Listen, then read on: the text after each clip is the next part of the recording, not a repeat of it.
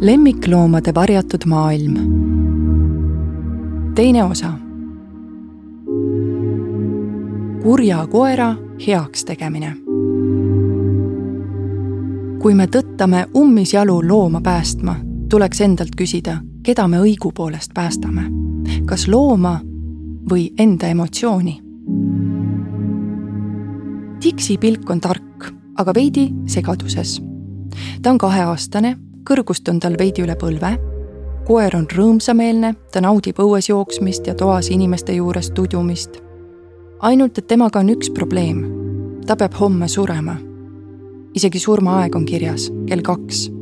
selline on Dixi omanike soov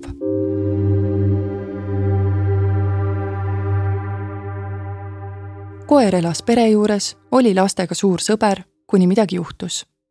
ta oli päevade kaupa jooksus siis muutus ta agressiivseks. ta hammustas peremeest, lõpuks ka last.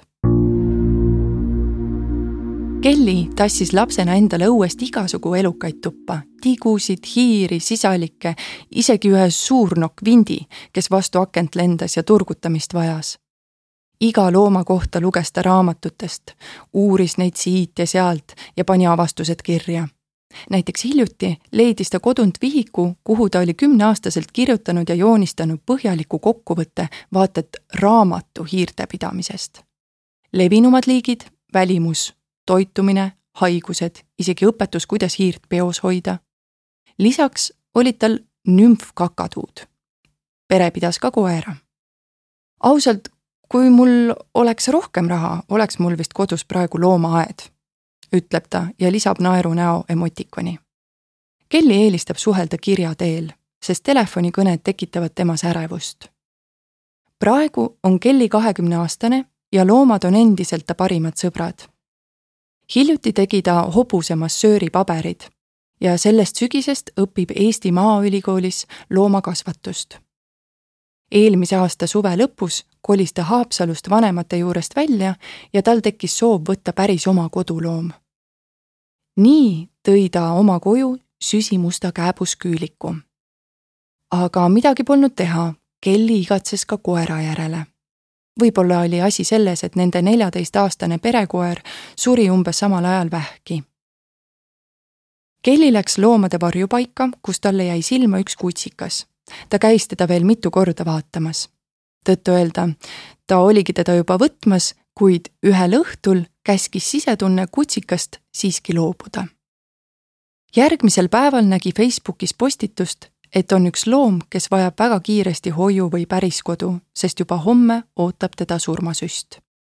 omanikud ei tahtnud koeraga enam mingit tegemist teha, kuna ta oli nende silmis liiga ohtlik. nii tuligi Kelly ellu Dixi. esialgu otsustas naine pakkuda loomale hoiukodu. See on ajutine kodu sest Dixi taust oli keeruline. lisaks oli see tema esimene päris enda koer. Kelly sai eelmiselt omanikult teada, et koer elas kutsikast saati ketis, kus ta end tihti lahti tõmbas ja jooksu pani, mõnikord oli lausa päevi kadunud. seejärel otsustasid vanad omanikud, et ketist enam ei piisa, vaja on elektrilist kaelarihma. siis muutunudki koer pereliikmete vastu agressiivseks ta küll ei tapnud kedagi, aga hammustas peremeest ja lapsi, nii et veri väljas. kui meid ei lahutaks sadu kilomeetreid, julgeksin arvata, et Kelly oma arvutiekraani taga ohkab. see elektrilise kaelarihma kasutamine oleks pidanud olema kindel märk, et selline lähenemine ei tööta, kuid ikka süüdistati koera ja taheti teda magama panna kui Dixi tänavu aprilli lõpus uue perenaise juurde jõudis, oli tal kaelarihm liiga tihedalt ümber kaela, karvad ära hõõrutud. algus oli väga raske. ta kartis absoluutselt kõike, meenutab Kelly. kui keegi looma ootamatult katsus, eriti saba ja tagajalgade piirkonnast, siis ta võpatas ja proovis instinktiivselt näksata, kuid suutis alati end peatada ja tuli siis vabandama kui keegi valju häälega rääkis, trampis või järske liigutusi tegi, puges ta peitu või läks teise tuppa minu silmis vihjab see kõik kokku, et koeraga on oldud minevikus vägivaldne. samas eelmised omanikud seda ei kinnitanud, mistõttu ei saa ma midagi sajaprotsendiliselt väita lisaks kartis Dixi paaniliselt kaelarihmasid, jooksis lausa eest ära. nii tuli minna trakside peale. kuna ta kippus neist välja pugema, kulus üsna palju aega ja raha sobivate põgenemiskindlate trakside leidmisele. Piiksuvad helid, näiteks pesumasina hääled, ajasid ta paanikasse tõenäoliselt oli põhjus varasemas kogemuses elektririhmaga, sest ka see piiksub enne suraka andmist. tänaval jalutamine tekitas hirmu. seepeale otsustas Kelly, et veedab suve Tartu asemel Haapsalus, kus on rahulikum ja kus saab probleemiga süvenenumalt tegeleda.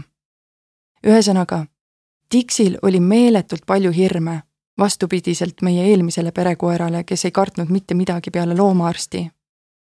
aga ma hakkasin end kohe koolitama osalesin ärevate koerte teemalistel webinaridel, õppisin jälgima ja aru saama koerte kehakeelest. pingutasin ja pühendusin absoluutselt iga päev. julgen öelda, et nüüdseks on Dixi eespool nimetatud hirmudest prii. ta kannab ilusti kaelarihma. ainult piiksuga mänguasjad on veel hirmsad, kuid tegeleme ka sellega, räägib Kelly. Otsustav suveõhtu ehkki Dixit taheti agressiivse koerana alles poole aasta eest magama panna, ütleb Kelly korduvalt, tegelikult on Dixi ääretult sõbralik loom, kes mängib lastega ja armastab tähelepanu. ta pole kedagi ähvardanud ega kellelegi kallale läinud. eks ta hoiab siiani veidi eemale. aga iga koer ei olegi kaisuloom. ütlen kõigile, et Dixile ahistamine ei istu ja kui ta tahab lahkuda, tuleb tal lasta seda teha mainin hiljutist traagilist õnnetust, kus perekoer pures surnuks nelja-aastase lapse. paljud loomaarstid, kellega suhelnud olen, ütlevad otse. me ei saa riskida, et selline asi uuesti juhtub. loom tuleb magama panna. mida arvab Kelly ohtlike loomade surmamisest? minu koer ründas eelmist perekonda, aga olen kindel, et ta tegi seda suure stressi tõttu. äärmiselt vähe on koeri, kes on päriselt parandamatult agressiivsed enamasti on lootust. seetõttu ma isiklikult ei poolda koerte eutaneerimist. meenutagem, et Kellil oli elamises ka kääbusküülik. kuni Dixi võtmiseni oli küülik korteris vabapidamisel. nüüd on talle eraldatud suur omaette tuba.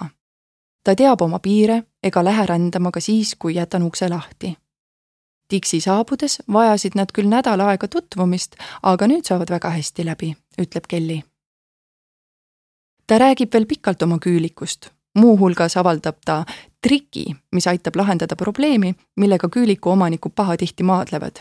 kuidas teha nii, et loom saaks toas vabalt ringi liikuda, aga samal ajal ei näriks ega lõhuks kõike ettejuhtuvat?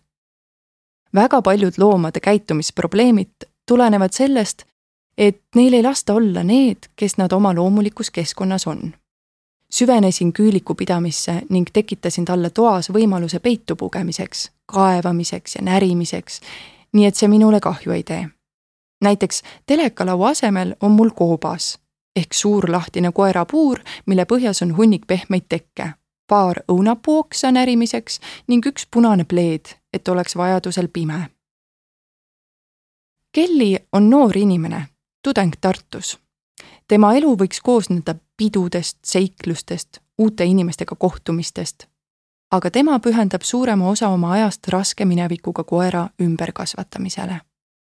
uurin, kas tal on olnud tiksi pidamisel hetki, kus ta mõtleb, et enam ei jõua, kus ta küsib, milleks see kõik. jah, vahel on küll tekkinud tunne, et enam ei jaksa, meenutab Kelly. tegelikult ma kahtlesin ikka esimesed paar kuud, kas ma suudan talle pakkuda seda, mida ta vajab. ühe korra käis loobumise mõte täitsa tõsiselt peast läbi. arutasin seda Loomakaitse Liidu vabatahtlikuga. ka emaga, kes kartis, et kuna Dixi vajab erakordset pühendumist ja hoolt, võib see minu jaoks liiga keeruliseks minna. selgus saabus ühel suveõhtul, kui Kelly perekond grillima läks jalutasin seltskonnast eemale, et mustikaid korjata ja Dixi tuli kaasa ühel hetkel hakkasid teised pereliikmed teda hüüdma, neil oli toitu, millega koer enda juurde meelitada. kuid Dixi jäi minuga. kutsumise peale jooksis täitsa mulle külje alla. sel hetkel otsustasin, et jätan ta päriseks endale. tõsi, ta pole päris selline, nagu ma oma esimest koera ette kujutasin, aga nähes, kui hästi ta end minu juures tunneb ei suutnud ma teda ära anda. Lisaks ütleb Kelly kavala silma pilgutava emotikoni saatel, et midagi pole teha, talle lihtsalt meeldivad väljakutsed loomadega. sellised, kus ma saan midagi teha, et neid aidata. olen varem pannud mitmed kartlikud hobused maailma ja inimesi usaldama. Õnneks ei ole mul lapsi, tänu millele saan end loomadele pühendada Dixi vaimne tervis on pikk projekt ja võimalik, et temast ei saagi kunagi nii-öelda ideaalset koera, aga see pole tähtis. Tähtis on see, et ta on nüüd oma eluga rahul. mida arvab loom? helistan ühele oma valdkonna parimale eksperdile, Eesti Maaülikooli väikeloomakliiniku koerte käitumisnõustajale Tiia Arikole, et rääkida probleemsete loomade sotsialiseerimisest Ariko rõhutab hakatuseks, et kuna ta pole Dixit näinud, ei tunne koer ega omanikku, ei taha ta konkreetse juhtumi kohta midagi öelda. küll aga võib ta rääkida keeruliste koerte ümberkasvatamisest laiemalt. kuid me takerdume kohe alguses. kes on üldse keeruline koer, küsib Ariko. ühe inimese jaoks on keeruline, teise jaoks mitte. eristada tuleb ka iseloomu ja õpitud käitumist. iseloom on kaasasündinud seda niisama ei muuda. agressiivset käitumist on võimalik muuta, aga see nõuab süstemaatilist tööd. siit põrkame kohe järgmise küsimuse otsa. kui me hakkame looma käitumist muutma, siis kas see on see, mida ta tegelikult tahab?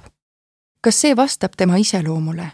või teeme temaga seda, mis meile, inimestele meeldib ning loomal tuleb seda lihtsalt taluda? aga on see üldse eetiline? Käitumisnõustaja räägib kiiresti ja sisendusjõuliselt. tunnen end, nagu oleksin sattunud ülikooli õppejõu loengusse. kõigepealt tulevad definitsioonid, üks probleem ajab teist taga. aga siis tulevad õnneks näited. võtame näiteks koerad, kes on sunnitud elama linnas. äkki tahab loom rohkem maale, kus on rahu ja vaikus. linnakeskkond pole koerale sugugi lihtne selleks, et seal hästi hakkama saada, on vaja teatud iseloomuga koera me saame teda küll õpetada, kuidas tänaval käituda ja viisakana näida, aga võib-olla ta kardab nii palju, et see nõuab temalt kõva pingutust, ajab ta stressi. seetõttu rõhutab Ariku, kui loom teeb edusamme, tuleb alati küsida, kas ta end ka päriselt hästi tunneb või on see pelgalt omaniku soovmõtlemine koerateemalistes aruteludes muutuvad järjest olulisemaks looma vaatepunkt osalesin hiljuti vestlusringis, kus räägiti tänavakoertest. ei, ma ei räägi Eesti tänavatel lonkivatest koertest, meil pole tänavakoeri, meil on kodunt välja visatud koerad, vaid välismaa loomadest, kes on põlvkondade kaupa tänaval elanud, kes ongi aretunud seal elama. sellise looma kodustesse tingimustesse toomine võib olla loomavaenulik tegu. kas meie tahame päästa või tahab loom päästetud saada samamoodi olevat inimesed arvamusel, et kui nad päästavad metslooma, kes looduses enam hakkama ei saa, teevad nad suure heateo. aga keda nad päästavad? kas looma või enda emotsiooni? Need on alati kahe otsaga asjad. Nende teemade üle ei vaielda, vaid kakeldakse, lisab Ariku ja naerab kurja kuulutavalt. korraks mõtlen, kas nüüd peaks avama teema, mis mulle loomakaitsjate ja koolitajatega suheldes silma on hakanud et nad on väga tulised ja omavahel pahatihti raksus. see on ka põhjus, jätkab Ariku pausi tegemata, miks räägitaksegi aina rohkem näiteks loomade antidepressantidest. kui loom pannakse jõuga keskkonda, kuhu ta ei sobi, siis võibki ta ravimeid ja teraapiat vajada. aga, aga, aga kas on võimalik ikkagi tapja koerast elulooma teha, küsin jämedalt vahele. kõik sõltub, vastab Ariku agressioon, kujutan ette, kuidas ta klassi ees näpu püsti tõstab, on teist osapoolt kahjustav käitumine. peamiselt ründab loom siis, kui ta midagi kaitseb või midagi kardab. kolmandal juhul on tegemist vaimuhaigusega, mis on aga väga haruldane. valdavalt on agressioon õpitud käitumine, nagu refleks. kui inimene teeb nii, teeb koer naa. kui tibil on süles Chihuahua ja võõras läheneb oma käega, siis koer ei saa põgeneda, asendustegevus ei aita. ta kangestub ja kannatab pai ära, kuni ühel hetkel enam ei kannata ja teeb urr. võõras võtab käe ära, järgmine kord teeb koer samamoodi, sest ta nägi, et see töötab. sama lugu võib olla hammustamisega.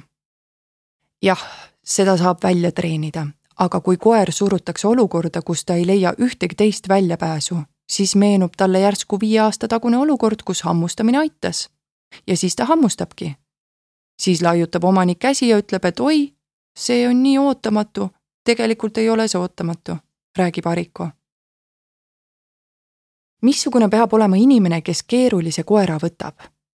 mida see temalt nõuab?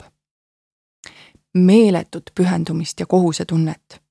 kui sa võtad probleemse looma, saad ta nii-öelda korda ja kui midagi juhtub, siis võta ajaleht ja anna endale vastu kukalt. sa oled muutnud looma maailmapilti ja sina vastutad selle eest, et teda ei pandaks olukorda, kus ta peab hammustama. minu silmis on ka päästja sellisel juhul alati vastutav, mitte ainult see, kes teda eelmises elus võib-olla halvasti kohtles. Arik on veendumusel, et meil on liiga palju koeri, kes otsivad uut kodu. samas kompetentseid kodusid on väga vähe seetõttu pole kõikide loomade aitamine võimalik. kurb tunnistada, aga need inimesed, kes võtavad keerulise looma ja saavad temaga hakkama, väärivad tegelikult paremat koera, kedagi, kellega neil on esimesest päevast peale koos tore. meil on palju vahvaid koeri, kes uut kodu otsivad, kuid ei leia. kas on mõistlik kulutada ressurssi keerulise mineviku ja tulevikuga loomadele ning eutaneerida neid toredaid? Me räägime küll pidevalt koertest, kuid suhtes lemmikloom inimene peab ka viimane rahul olema. tasub mõelda, pane Pariku südamele, et kui te võtate raske koera, panete end sisuliselt viieteistkümneks aastaks kinni. võib-olla ei saa te enam isegi vanaema sünnipäeval käia, sest probleemseid koeri ei saa ka kellegi kätte hoiule jätta. kas see on ikkagi päris mõistlik?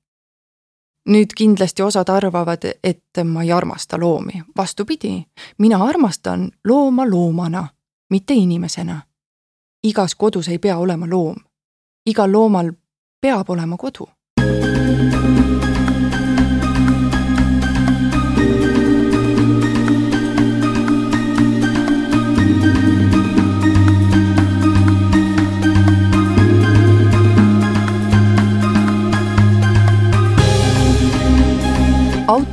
Lennart Ruuda. audiolugu luges Inga Salurand, salvestus, helikujundus ja originaalmuusika Janek Murd. Levila kaks tuhat kakskümmend kaks